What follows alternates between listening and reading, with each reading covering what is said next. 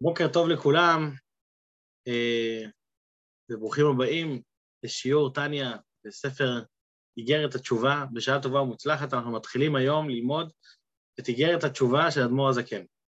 איגרת התשובה זה החלק השלישי בספר התניא, אחרי שעברנו כבר את ליקוטי המרים, החלק הראשון, ואת שער האיכות והאמונה.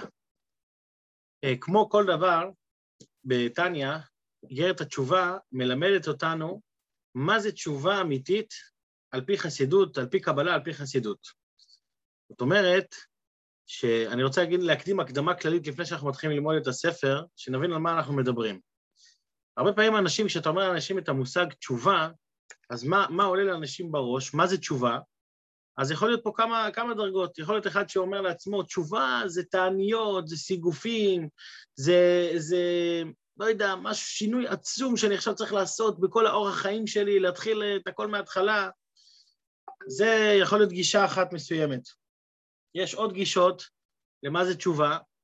יש גישות שאומרות שאולי תשובה זה לא שייך לכל אחד, רק לאנשים מיוחדים שעכשיו עושים באמת שינוי פנימי ועמוק. אדמו"ר הזקן, בספר התניא, בחלק שלנו, הוא בא להסביר לנו איך תשובה זה משהו הרבה הרבה יותר פשוט ממה שאנחנו חושבים. זה לא תעניות, סיגופים, כל הדברים האלה שאנחנו מכירים, ששמענו, זה דברים נכונים, אבל הם לא חלק מהתשובה. הם נמצאים בתהליך של התשובה, הם נמצאים אולי בשלב של הכפרה, אבל תשובה, לפי אדמו"ר הזקן, היא נקודה אחת יסודית, שהיא רק ההחלטה של הבן אדם. זאת אומרת, עצם ההחלטה, כמו בן אדם, כמו מביאים על זה משל הרבה פעמים, בן אדם שטועה ביער והוא רוכב על סוס, והסוס דוהר, דוהר. פתאום באיזשהו שלב הוא קולט שהוא, שהוא איבד את הדרך. אז כשהוא קולט את זה, מה הוא עושה? דבר ראשון, הוא פונה, הוא מפנה את הסוס לצד שני ואומר, בואו נתחיל לחזור. הפנייה הזאת, זוהי התשובה. יכול להיות שלבן אדם יש עוד דרך ארוכה עד שהוא יגיע ליעד שלו בחזרה, אבל אין בעיה. זה, זה כבר השלמות, זה כבר השיפור, זה כבר לשנות את המצב, אבל זה לא תשובה, זה שלמות התשובה נקרא. התשובה זה נקודה אחת, הפנייה הזאת. ובגלל שזה נקודה אחת, זה מאוד מאוד משנה את התמונה לגמרי, כי בן אדם יודע שמה זה לחזור בתשובה, זה לא עכשיו לשנות את כל... זה להחליט, החלטה, זה בראש. עצם ההחלטה שאני אומר, אני עכשיו מתחיל דף חדש, אני עכשיו מתחיל משהו חדש, זה עצמו כבר בכוח שלו לשנות את הבן אדם לגמרי. זה מצד אחד. מצד שני, כשלומדים גם אה, בספר התניא, פה בשאר, באיגרת התשובה, אז מגלים גם שה, שההחלטה הזאת היא החלטה מאוד מאוד מחייבת. זאת אומרת, זה אומנם רק החלטה אחת, וההחלטה הזאת היא החלטה פשוטה והחלטה קלה, אבל ההחלטה הזאת היא כוללת מאוד, היא החלטה מאוד מאוד רחבה. זאת אומרת, כשבן אדם מחליט, אני לא אעשה יותר דברים רעים, אני לא אעשה יותר, אני אעשה מהיום רק טוב, הוא צריך להבין מה זה טוב ומה זה רע. הוא צריך להבין על מה הוא מחליט, על מה אני מתחייב. וכשאנחנו מבינים על מה אנחנו מתחייבים, לפעמים עצם ההבנה הזאת יכולה אולי קצת לייאש אותנו, ולכן זה, זה היופי אצל אדמו"ר הזקן, שהוא משלב את שני הקצוות בבת אחת. מצד אחד זה הרבה יותר קל ממה שאני חושב, מצד שני, הקל הזה הוא כולל הרבה יותר ממה שאנשים אחרים חושבים. זה החידוש הנפלא באיגרת התשובה. איגרת התשובה היא נקראת גם אה, איגרת. למה היא נקראת איגרת? איגרת זה דבר שהוא ארעי. זה משהו שהוא לא, שהוא לא, זה לא כמו ספר, שהוא ספר כביכול קבוע.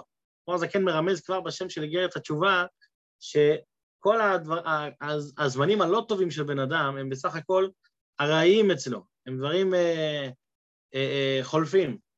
והאמת הפנימית שלו זה המהות שלו, שזה אגב אחד הדברים החזקים שהוא הולך, שאנחנו הולכים לדבר עליהם, זה מהי המהות של היהודי. כשבן אדם מבין מה זה יהודי ומה הכוח שלו, אז הוא מבין איך, איך הוא יכול לצאת ממצב הכי הכי גרוע כביכול, ולעלות ולהתעלות. ולכן, לכן זה גם חלק שלישי, כי הרבה דברים שנלמד בחלק הזה הם באמת מבוססים על החלק הראשון שאותו למדנו. אה, בכל אופן, אנחנו במהלך השיעורים נשתדל גם לחזור על כל, כל נקודה ונקודה, נשתדל לפתוח אותה בנושא שלנו, גם בשביל, גם בשביל לרענן לעצמנו וגם בשביל אלה שלא למדו את, ה, את החלק הראשון, נקודי המרים.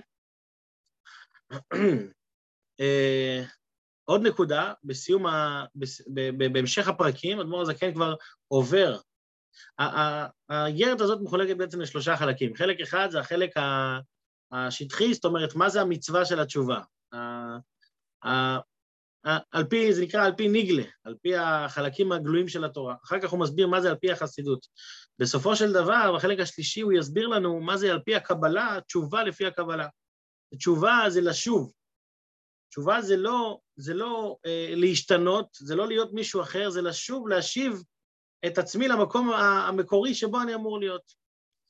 ולשוב, על פי הקבלה, מה זה תשובה? זה תשוב ה', זה להשיב את הה' שבשם השם, כתוב כי חלק השם עמו, זאת אומרת כל יהודי יש לו את שם השם בתוכו, שם השם מורכב מאותיות י', האות ה', האות ו' והאות ה', אז תשובה זה להשיב את הה', לפעמים יש ה', הה' של, ה, של שם השם, שוב, אני לא נכנס לזה עכשיו, אנחנו ניכנס לזה בפרקים שנגיע לזה, אבל הה' של שם השם לפעמים היא נופלת, למה היא נופלת? כי אני נפלתי, הפלתי אותה איתי, וה, והמטרה מבחינתי זה להחזיר אותה למקומה. אז יש שתי ה'ים, הה' הראשונה היא הגבוהה יותר, וההיא האחרונה היא נמוכה יותר, ולכן יש שתי, שני סוגים בתשובה, תשובה הילאה ותשובת התאה.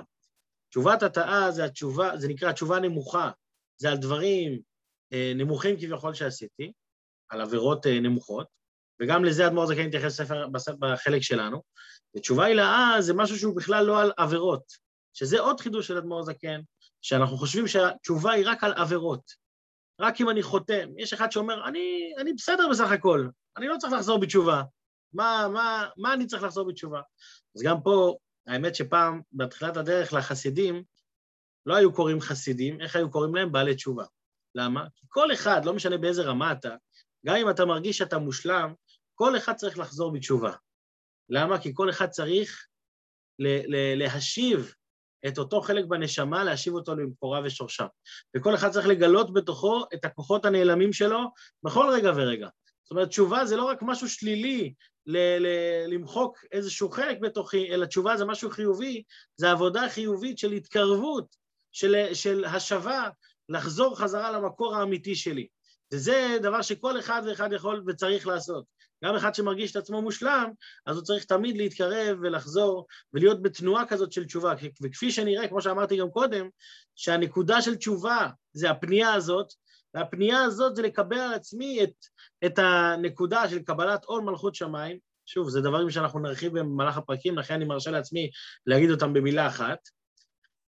והנקודה הזאת של קבלת עול מלכות שמיים זה נקודה שכל אחד צריך לחזק אצלו בכל רגע ורגע, לא משנה מה המצב שלו. וזה על ידי ההתבוננות, שום דבר לא מגיע באופן, אה, באופן טבעי, מה שנקרא. הרבה פעמים אנשים גם, זה בנקודה הזאת נסיים את ההקדמה. הרבה פעמים אנשים חושבים, תשמע, יום יבוא ויהיה לי איזושהי התגלות, התעוררות מלמעלה, והכל יהיה בסדר. אדמו"ר הזקן לא מאמין בדברים ספונטניים. זה טוב, ספונטני זה טוב, זה שבן אדם פתאום מתעורר, הכל בסדר. אדמו"ר הזקן אבל מאמין בעיקר בתהליך. בן אדם שיודע שהוא צריך לעבור איזשהו שינוי מסוים, הוא לא מחכה שמשהו יקרה, ופתאום, למשל, אחד יש לו תוכנית לעשות אה, טיול בחו"ל, אז הוא יחכה עד שיפול לו עכשיו אה, אה, זכייה בלוטו בשביל לצאת לטיול הזה, הוא לא יצא. אתה צריך לחסוך, לעשות תוכנית עבודה, איך אני חוסך את הכסף הזה ואיך אני מתקדם עד שאתה, עד שאתה מגיע ליעד. גם תשובה, להתקרב, להיות, להיות, לחיות חיים של מודעות, חיים של, של, של, של הגשמה עצמית, זה לא משהו שמגיע באופן טבעי, זה לא מגיע ככה על הדרך.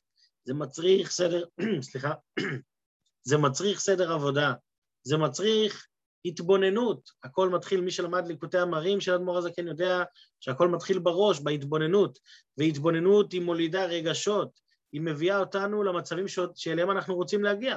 והתבוננות זה דבר מפורט, במה להתבונן, כמה להתבונן, איך להתבונן, וכשאני בונה לעצמי תוכנית עבודה, אני יכול גם להגיע ליעדים ולהגשים את עצמי.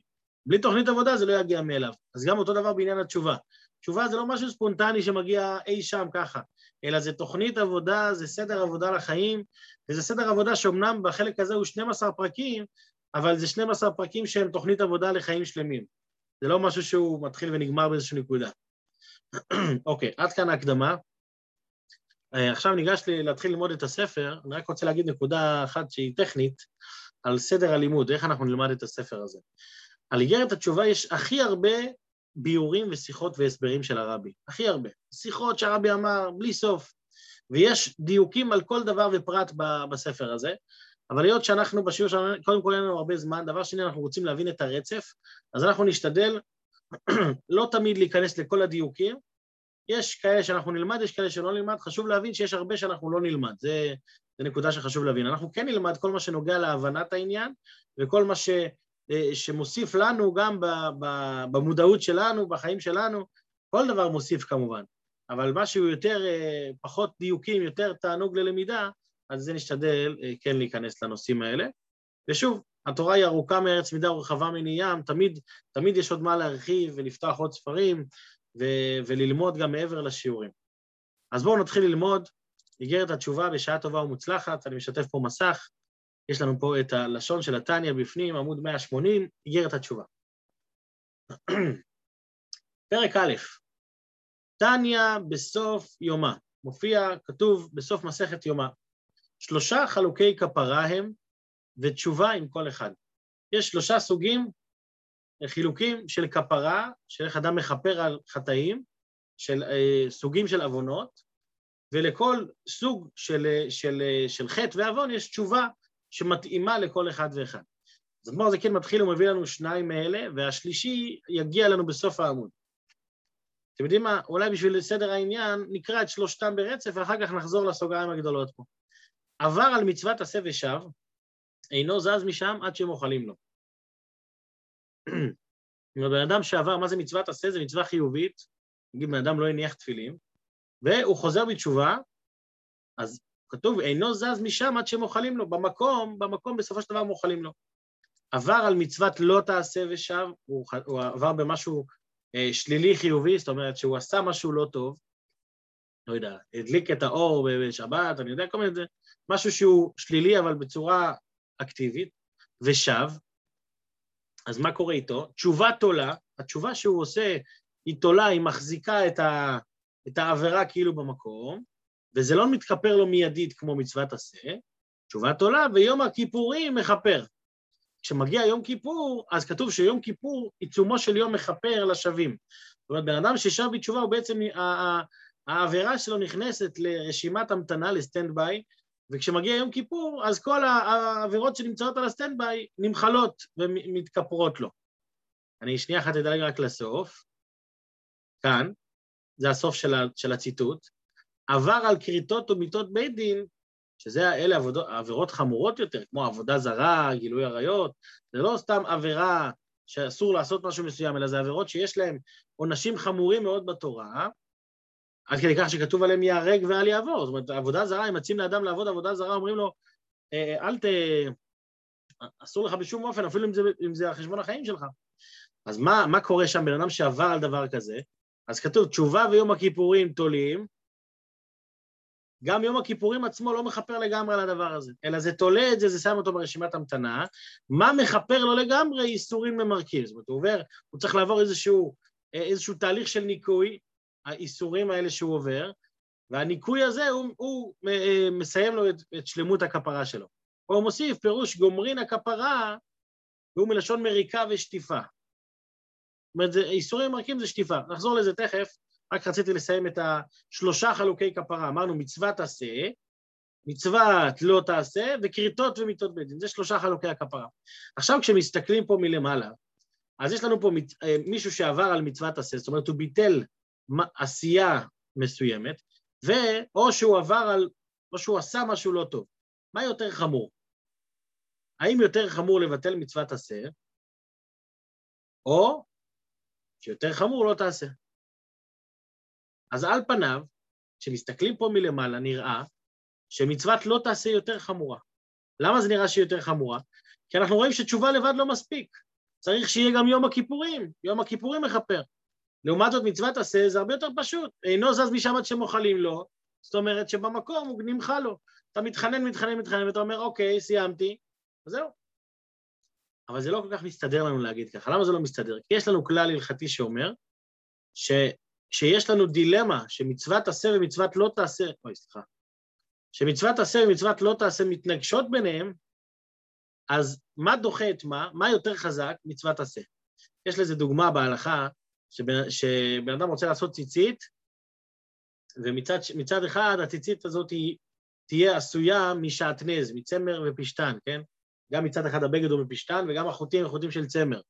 אז איך יכול להיות שאפשר לעשות בגד שהוא שעטנז? הרי יש, יש איסור, מצוות לא תעשה, לא לעשות בגד של שעטנז. אז איך ציצית אני עושה שעטנז? התשובה היא שבגלל שיש לנו פה מצוות עשה מול מצוות לא תעשה, אז מה דוחה את מה? המצוות עשה דוחה את הלא תעשה.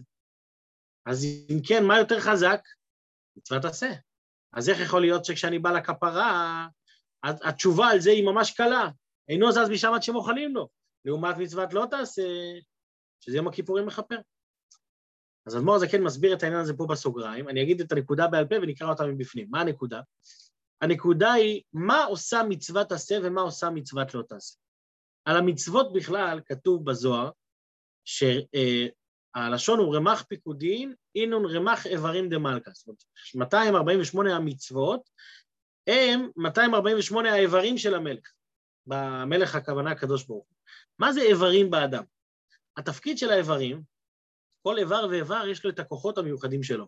נגיד ליד יש כוח אה, לבצע דברים, לכתוב, לצייר, לעין יש כוח לראות, לפה יש כוח לדבר, כל איבר ואיבר יש לו את הכוח המיוחד שלו. אבל מי מדבר? הפה או, ה... או הנשמה, הבן אדם? הבן אדם מדבר. הפה הוא רק כלי שדרכו הוא מדבר. אז מה התפקיד של הפה? התפקיד של הפה זה למשוך את הכוח מהנפש, את כוח הדיבור, או העין, למשוך את כוח, למשוך את כוח הראייה, והם מושכים את הכוח הזה ומגלים אותו לעולם. בלי הפה, יכול להיות שהכוח נמצא בנפש, אבל הוא לא בא לידי גילוי. אגב, איך אני יודע שהוא נמצא בנפש? כי יכול להיות בן אדם, למשל, שהוא אילם, או חירש, או עיוור, חס ושלום, והילדים שלו, לא, לא בהכרח שהם יהיו עם, ה, עם הפגם הזה. זאת אומרת, גם בן אדם עיוור יכול להוליד ילד שרואה. למה? כי הכוח הזה קיים בנפש, החיסרון הוא בכלי שלו. שהכלי, העין, כוח הראי, העין לא מגלה את כוח הראייה. אז זה התפקיד של איברים, למשוך את החיות מהנפש ולתת אותה לידי גילוי. אותו דבר המצוות. מה התפקיד של המצוות? התפקיד של המצוות זה למשוך את אותה הערה אלוקית מלמעלה מהאלוקות ולהמשיך אותה פה לעולם. וכשאני מגלה משהו מסוים, כשאני מניח תפילין, המשכתי אור מסוים אה, ספציפי של הקדוש ברוך הוא כאן לעולם. כשאני הדלקתי נרות שבת, כשאני עשיתי כל מצווה ומצווה שאני עושה, אני בעצם המשכתי אור, גיליתי אור. כשאני, מצוות לא תעשה, לעומת זאת, אין בזה המשכת אור. בסך הכל זה לא לעשות חושך. לצורך העניין, כשאני נכנס לבית, אז בבית אני רוצה שני חלקים שיהיו בו. דבר ראשון, שהבית יהיה נקי. דבר שני, שהבית יהיה מואר. בלי, בלי אור, בלי תאורה, אני לא אוכל ליהנות מהבית הזה. אז זה ההבדל בגדול בין מצוות תעשה למצוות לא תעשה. מצוות תעשה זה שהבית יהיה מואר, מצוות לא תעשה זה שהבית יהיה נקי, שלא יהיו לכלוכים. עכשיו, בן אדם שעובר עבירה, כל עבירה, לא משנה עכשיו מצוות תעשה או מצוות לא תעשה, יש פה שני חלקים בעבירה. החלק הראשון זה, ה... זה, ה... זה עצם הנקודה שהוא עשה משהו שאלוקים לא רוצה. עברת, עברתי על רצון המלך, לא משנה עכשיו איזו מצווה. החלק השני זה מה החיסרון שנוצר מה, מהעבירה הזאת. לצורך העניין, עשיתי מצוות, לא, עברתי על, על מצוות לא תעשה, אה, אה, עשיתי משהו שהוא אסור לעשות, אכלתי אה, אוכל מסוים, חיללתי משהו מסוים, עשיתי משהו לא טוב, עכשיו לכלכתי, עשיתי איזושהי השפעה של לכלוך. אז עכשיו בשביל לתקן את שני הדברים האלה אני צריך לעשות שני דברים. אני צריך דבר ראשון, דבר ראשון לחזור בי מהמרידה שמרדתי במלך, ודבר שני, אני צריך לנקות את הלכלוך שעשיתי. אז בואו נפרק את זה עכשיו רגע על מצוות תעשה ומצוות לא תעשה. וסליחה על האריכות, כי עוד שנייה נקרא את הכל מבפנים.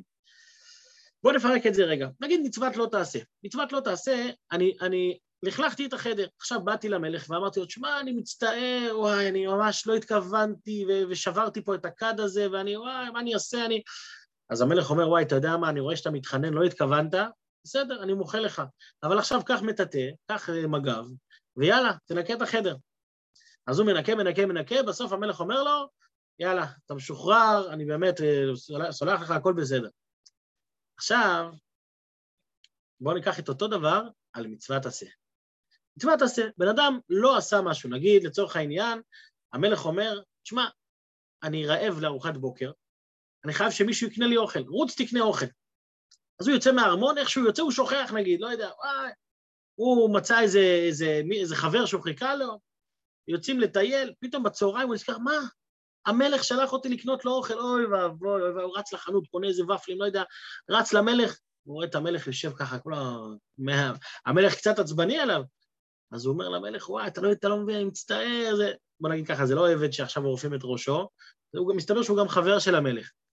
אז, אז, הוא, אז הוא שואל את המלך, איך הסתדרת? המלך אומר לו, ראיתי שאתה לא מגיע, שלחתי מישהו אחר שיקנה לי, אני יודע.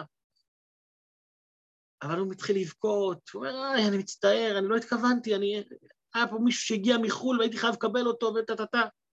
אז המלך מסתכל עליו ומרחם ואומר, אתה יודע מה, אני רואה שאתה ממש מתחרט, אני מוחל לך, אני סולח. עכשיו, מה החלק השני? עכשיו הוא אומר למלך, אני רוצה לפצות אותך, אני רוצה להביא לך ארוחת בוקר מפנקת במקום. אז המלך אומר לו, סליחה, אני כבר אכלתי ארוחת בוקר, זה כבר לא שייך. יכול להיות שאני סולח לך, אבל את העניין עצמו לא פעלת. זה ההבדל בדיוק בין מצוות עשה למצוות לא תעשה. מצוות עשה זה המשכת אור אלוקי. תפילין צריך להניח, תפילין בבוקר. לא הנחת, אתה בא למחרת, מחר תניח, אתה כל הזמן צריך להניח. אבל את האור של יום ראשון או יום שני, לא המשכת. ולכן הקפ... המחילה היא הרבה יותר מהירה. למה? כי, כי אתה מתחרט, מוחלים לך. אתה רוצה גם להמשיך את האור? מצטער, זה כבר לא שייך. לכן נשים לב לדיוק מעניין, תסתכלו פה בפנים, אינו זז משם עד שמוחלין לו. מה כתוב על מצוות לא תעשה? תשובת עולה ויום הכיפור מכפר. מה ההבדל בין מחילה לכפרה? מחילה זה... אוי. מחילה זה... אוקיי, אני מוחל לך, הכל טוב, אתה, אנחנו ביחסים טובים. כפרה זה אומר שאתה ניקית, כמו שאמרנו גם, קראנו גם בסוף, שכפרה זה מלשון ניקיון, כמו מירוק וכפרה, מירוק וניקיון. שהכפרה זה ממש מנקה את מה שעשית. מצוות לא תעשה, יש אפשרות לאדם ממש לבטל את, ה, את הדבר השלילי שהוא עשה. במצוות עשה אין לו סיכוי לבטל את זה. ולכן, אם נתבונן שוב, מה יותר חזק, מה יותר חזק מצוות תעשה או לא תעשה? מצוות תעשה. למה? כי, ה, כי הוא כל כך חזק שמוכלים לך ישר, כאילו, אוקיי, אתה בסדר, אבל את העניין לא פעלת. מצוות לא תעשה, היות שיש לך סיכוי לתקן את זה, אז נותנים לך יותר דרך לתקן. עכשיו, כל מה שאמרתי עכשיו בעל פה, בואו נראה בסוגריים, ובזה נסיים את השיעור של היום. פירוש, אומר אדמו"ר הזקן, דאף על גב שלעניין קיום מצוות עשה גדולה, שדוחה את לא תעשה. זאת אומרת, אנחנו רואים שמצוות עשה דוחה את לא תעשה, כמו הדוגמה שהבאנו עם הציצית והשעטנז.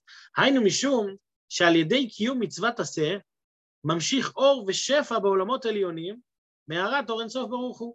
האור של הקדוש ברוך הוא, האור אינסוף של הקדוש ברוך הוא, ממשיך פה בעולם על ידי כל מצווה ומצווה שאני עושה. כמו שכתוב בזוהר, דרמח פיקודים, ה-248 המצוות, אינון הם רמח איברים דמלכה, הם האיברים של המלך, שכמו שהסברנו, שמה זה איברים של המלך? זה המשכות והגילויים של המלך. זה דימוי, זה לא באמת שזה איבר גשמי, אלא זה דימוי להמשכה של האור והחיות פה למטה. אז זה ממשיך בעולם, ולא רק שזה בעולם, אלא גם על נפשו האלוקית. ההמשכה הזאת של האור היא ממשיכה לאדם גם באופן פרטי. כמו שכתוב, איך אני יודע, הוא מביא הוכחה, כמו, שאומרים, אשר קידשנו במצוותיו. כל, כל מצווה שאנחנו עושים, אנחנו מברכים, ברוך אתה השם אלוקינו מלך העולם, אשר קידשנו במצוותיו. מה זה קידשנו? שהוא מקדש, הוא מרומם אותנו על ידי המצוות. זאת אומרת, כל מצווה שאני עושה, אני ממשיך עליי קדושה, אני ממשיך עליי אור. אז לא רק לעולם אני ממשיך אור ושפע, אלא גם על הנפש שלי אני ממשיך. אז זה העניין החיובי שבמצוות.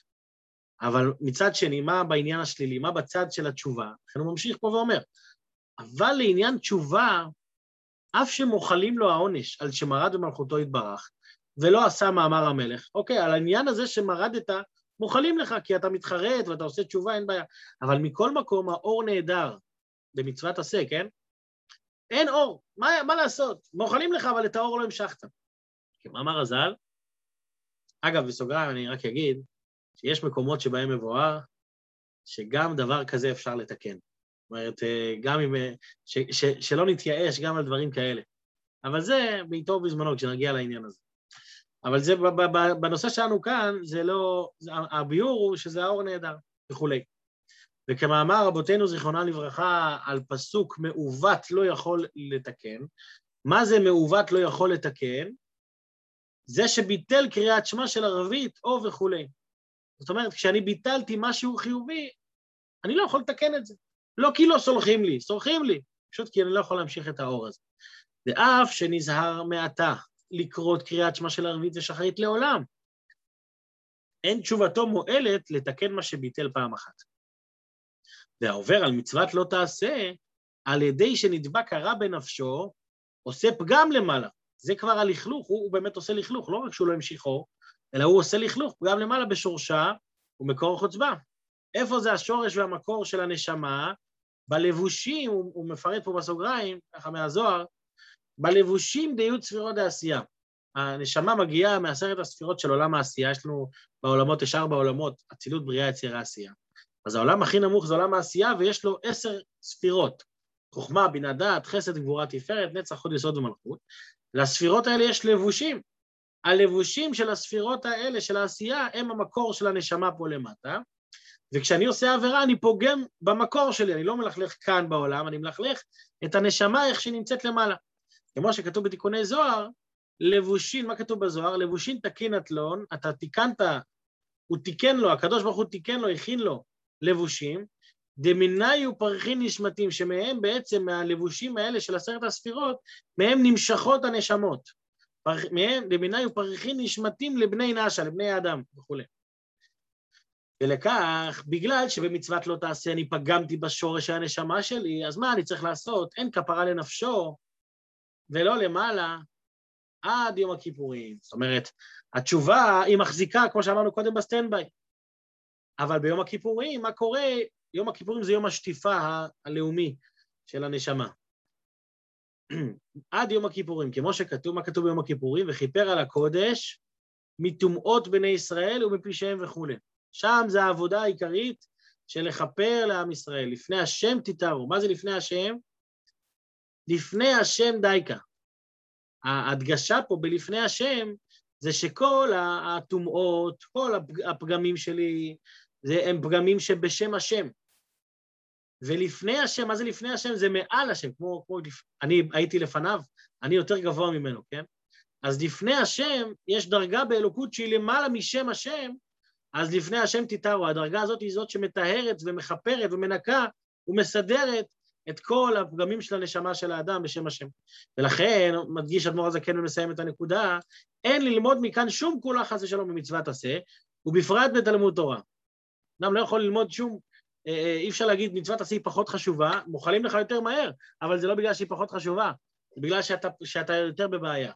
ובפרט בתלמוד תורה, לא לבטל תלמוד תורה, אדמו"ר הזקן מנצל כל הזדמנות להכניס את הנושא של לימוד תורה, כמו שכבר הסברנו את זה בהרחבה גם בליקוטי המרים.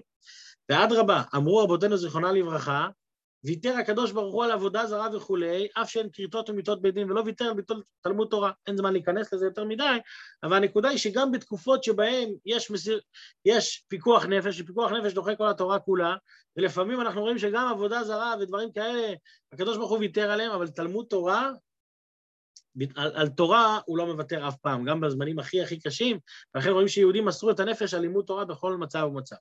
עד כאן הביאור של שתי התיקונים הראשונים. מצוות תעשה, מצוות לא תעשה.